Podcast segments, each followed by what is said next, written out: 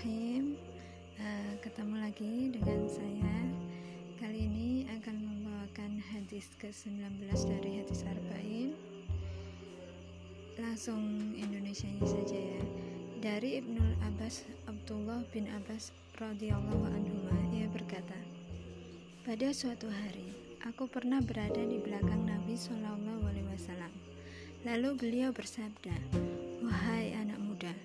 sesungguhnya aku akan mengajarkan beberapa kalimat kepadamu jagalah Allah niscaya Allah akan menjagamu jagalah Allah niscaya engkau akan mendapatinya di hadapanmu jika engkau mau meminta, mintalah kepada Allah. Jika engkau mau meminta pertolongan, mintalah kepada Allah.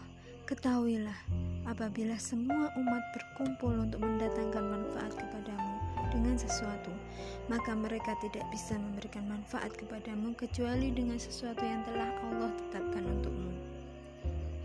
Dan seandainya mereka pun berkumpul untuk menimpakan bahaya kepadamu dengan sesuatu, maka mereka tidak dapat membahayakanmu kecuali dengan sesuatu yang telah Allah tetapkan bagimu. Pena-pena telah diangkat dan lembaran-lembaran telah kering. Hadis riwayat Tirmidzi dan ia berkata bahwa hadis ini hasan sahih.